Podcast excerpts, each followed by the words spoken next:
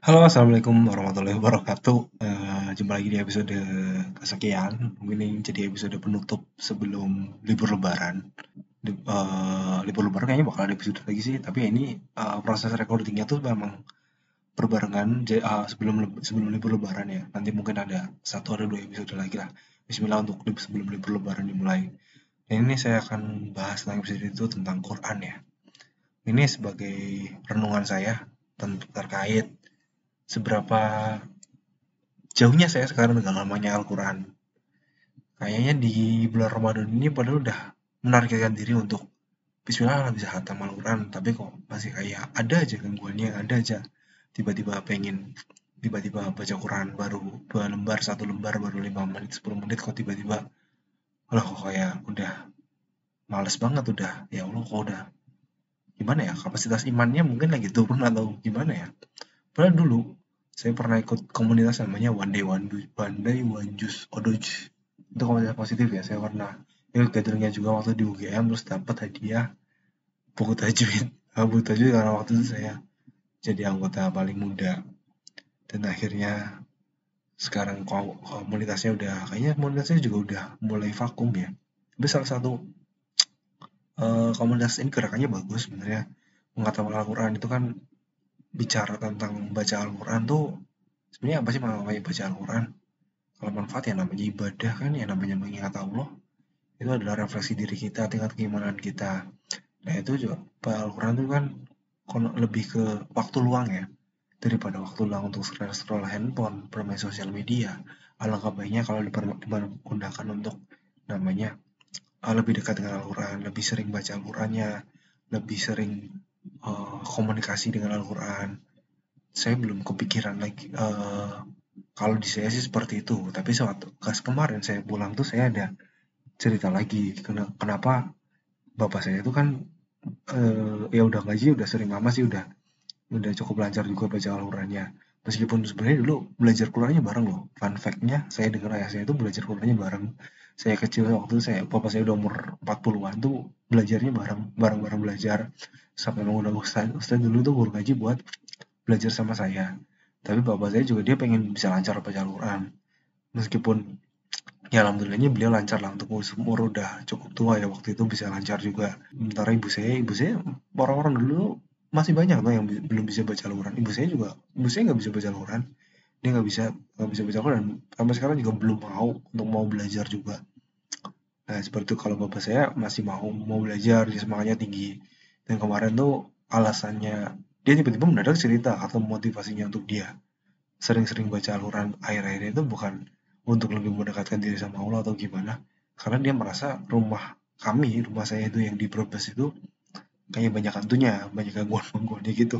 Makanya dia lebih jadi sering baca Al-Quran. Baca Al-Quran karena memang merasa lebih dek, lebih tenang sama ya ujungnya sama juga jadi lebih tenang juga sih. Tapi motivasinya lebih deh lebih ke uh, menghilangkan gangguan setan. Jadi nggak diganggu-ganggu terus sama setan. Jadi lebih kuatin dirinya tuh supaya dengan baca Al-Quran dan itu salah satu saya udah lupa kalau salah satu bisa jadi salah satu motivasi ya Lalu sebenarnya ya juga sih bisa jadi karena kenapa saya jarang uh, banyak merasa banyak pikiran tuh bisa jadi karena gangguan-gangguan spiritual macam itu ya namanya Al-Quran tuh uh, kurangnya mungkin bisa jadi di situ ya Salah satunya adalah kenapa jadi malas baca Al-Quran ya. Ya ada memundur kemunduran kemunduran tingkat keimanan ya. Dulu yang baca Al-Qurannya kencang udah pengen ya bisa satu hari khatam satu juz. Sekarang boro-boro satu bulan tuh bisa satu juz juga kayaknya ngebut di akhir tuh kayaknya gimana ya. Tapi saya saya sadari kalau misal target satu juz tuh dicicil tiap uh, apa tiap akhir sholat sholat kan lima waktu ya terus kan biasanya satu sepuluh lembar satu hari itu satu ini dua lembar dua lembar tiap hari selesai sholat dua lembar dua lembar ini bisa itu melatih konsistensi ya nah itu hal yang sudah saya lupakan bisa jadi nah ini yang mungkin jadi jawaban dari permasalahan-permasalahan hidup yang saya miliki sekarang ya. tingkat keimanan saya kenapa rendah? Karena mungkin saya belum bisa konsisten ya. Kan sudah siap sholat kan gampang kan ya. So alhamdulillah sholat saya masih lancar kan ya masih panggilan rutinnya masih dipenuhi. Tapi kenapa buat baca Al-Qurannya masih belum ini ya nah itu masih jadi pertanyaan. Mungkin apa karena sholat saya itu berasa belum khusyuk? Bisa jadi seperti itu. Dan ini ada saya mau bicara tentang yang namanya indikator namanya amal ibadah atau sesuatu hal diterima.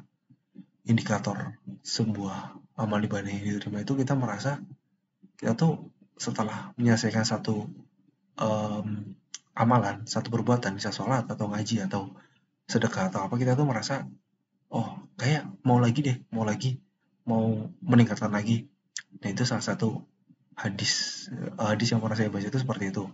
Dan itu uh, sebenarnya analoginya kita nggak tahu itu beneran diterima atau enggaknya ya. Yang jelas itu uh, kaitannya dengan dopamin. Semisal kita merasa senang dalam melakukannya, kita merasa uh, melakukan sesuatu perbuatan, sesuatu kegiatan dan kita tuh merasa senang, maka kita akan pengen naik level, pengen namanya meningkatkan hal-hal yang sudah pernah kita lakukan tersebut. Nah itu kan hadis itu kan atasnya mungkin dari zaman Nabi ya, zaman Rasul ya, di 1400 tahun yang lalu. Nah itu ternyata penelitian terkait uh, dopamin ini kan belum ada, belum dipublikasikan ya. Jadi kan kalau misal kita menyukai sesuatu hal, kan dopamin kita langsung uh, tingkat hormon dopamin kita akan meningkat ya.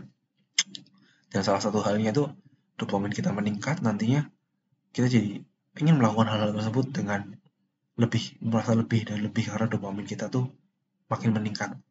Nah ini kan terbukti kalau misal ini memang hal itu kita merasa senang aja ya amalan diterima atau enggaknya tuh ya walau alam tapi yang jelas kita tuh merasa senang karena namanya dopamin itu benar-benar kita tuh merasa hormon bahagia kita udah memberikan merasa ketenangan jadi kita minta pengen lebih dan lebih dan lebih itu ternyata sudah ada dari hadis dan memang Islam tuh mengajarkan hal yang benar di jalannya.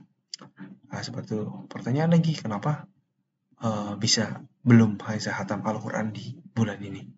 Itu jawabannya adalah tentang keimanan. Menargetkan diri ya ini jadi renungan untuk saya mungkin teman-teman semua yang mendengarnya juga. Gimana sih kenapa sih kok bisa uh, mungkin baca mungkin saya masih bisa baca Al-Quran berkali-kali mungkin ada yang teman-teman semua masih bahkan baca Al-Quran tuh udah kapan udah lupa. Kapan terakhir baca Al-Quran ya? Karena ya dengan kesibukannya dengan tingkat keimanannya. Al-Quran sekarang di HP juga sudah ada. Padahal kenapa kok kayaknya berat banget ya untuk baca Al-Quran kenapa iman ini makin bukannya makin dewasa makin tua?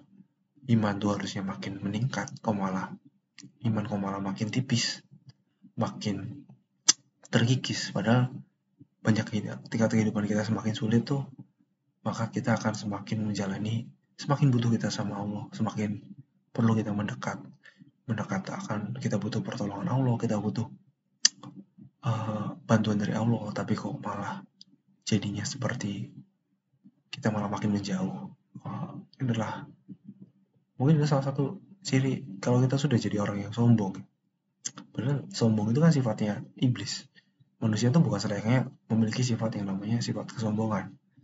Sombong itu sifatnya iblis jadi kalau ada setitik pun rasa sombong di hati kita tuh kita harus ah, jauh-jauh menghilangkan perasaan tersebut karena manusia tuh hakikatnya bukan terbuat dari api bukan tidak berhak untuk yang namanya sombong.